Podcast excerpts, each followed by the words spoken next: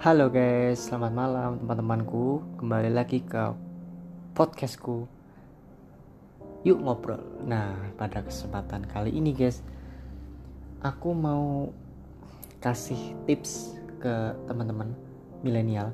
Gimana sih caranya supaya kita bisa managing our money? Sebenarnya masalah memanage keuangan itu sebenarnya masalah klasik. Sejak dari dulu, sejak dulu masalah keuangan akan selalu ada. Tetapi seiring dengannya, seiring dengan perkembangan zaman saat ini, semakin beragamnya kebutuhan manusia, bahkan keinginan pun seakan-akan menjadi kebutuhan. Adanya gengsi, tidak bisa melihat kemampuan diri dalam hal finansial, maka sering banget kaula-kaula muda sekarang ini banyak yang terjebak dalam circle pergaulan yang boros.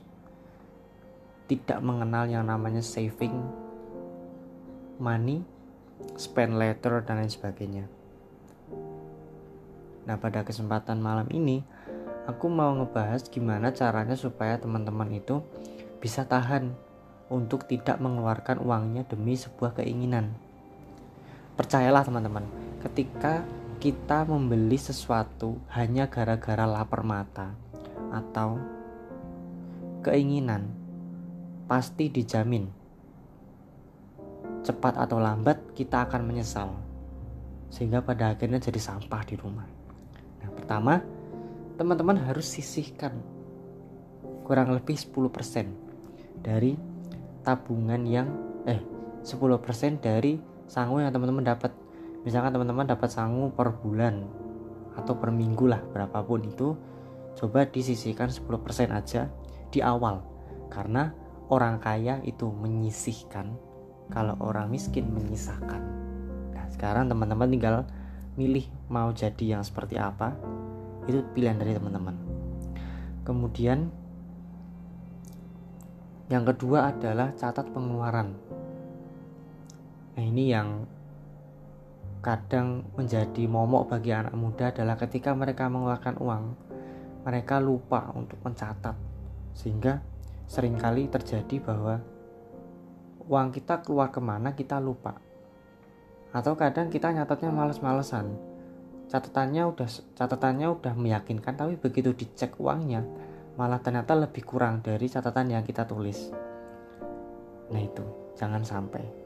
Ketika kita malas ya tetap kita paksakan untuk menghitung yang namanya pengeluaran.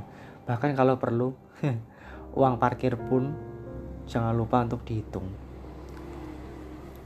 Kemudian yang ketiga, teman-teman bisa membagi celengan. Maksudnya membagi celengan itu ya, teman-teman punya dua celengan. Yang pertama untuk tabungan, yang kedua untuk investasi. Dalam hal ini teman-teman paling enggak ya ketika punya dua tabungan dua dua tempat untuk menyisihkan uang. Yang pertama teman-teman sisihkan untuk tabungan. Nah ini sebisa mungkin jangan di otak atik. Gimana pun keadaan teman-teman diusahakan banget jangan di otak atik. Yang kedua adalah tabungan untuk investasi kalau untuk yang anak-anak muda sekarang ini kalau memang belum ada gambaran investasi belum ada gambaran untuk membeli obligasi, saham, dan lain sebagainya, teman-teman bisa memulai dari yang namanya nabung emas. Karena ketika teman-teman nabung emas, minimal uangnya teman-teman gak akan turun. Kalau sewaktu-waktu ada inflasi karena emas juga akan tetap dijual mahal. Gitu.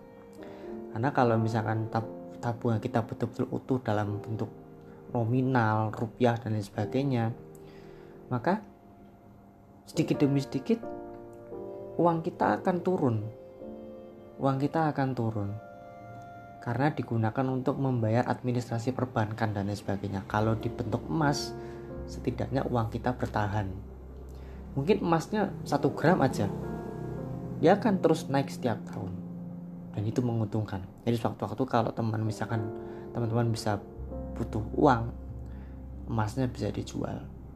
Tapi benar-benar harus dipikirkan kembali. Jangan sampai kita hutang jangan sampai kita membeli sesuatu karena keinginan. Pasti ujung-ujungnya akan nyesel. Cepat atau lambat di kemudian hari akan seperti itu. Dan nantinya cuma akan jadi sampah di rumah. Kemudian nah demikian teman-teman.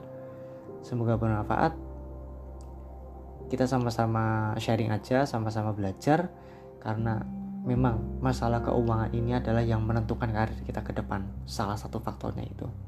Ketika kita tidak bisa disiplin keuangan padahal kita masih single kita masih manut misal masih dibayari dibiayai oleh orang tua kalau kita nggak terampil dalam bagi uang gimana besok kalau udah kerja? Nggak bisa membedakan kebutuhan dan keinginan.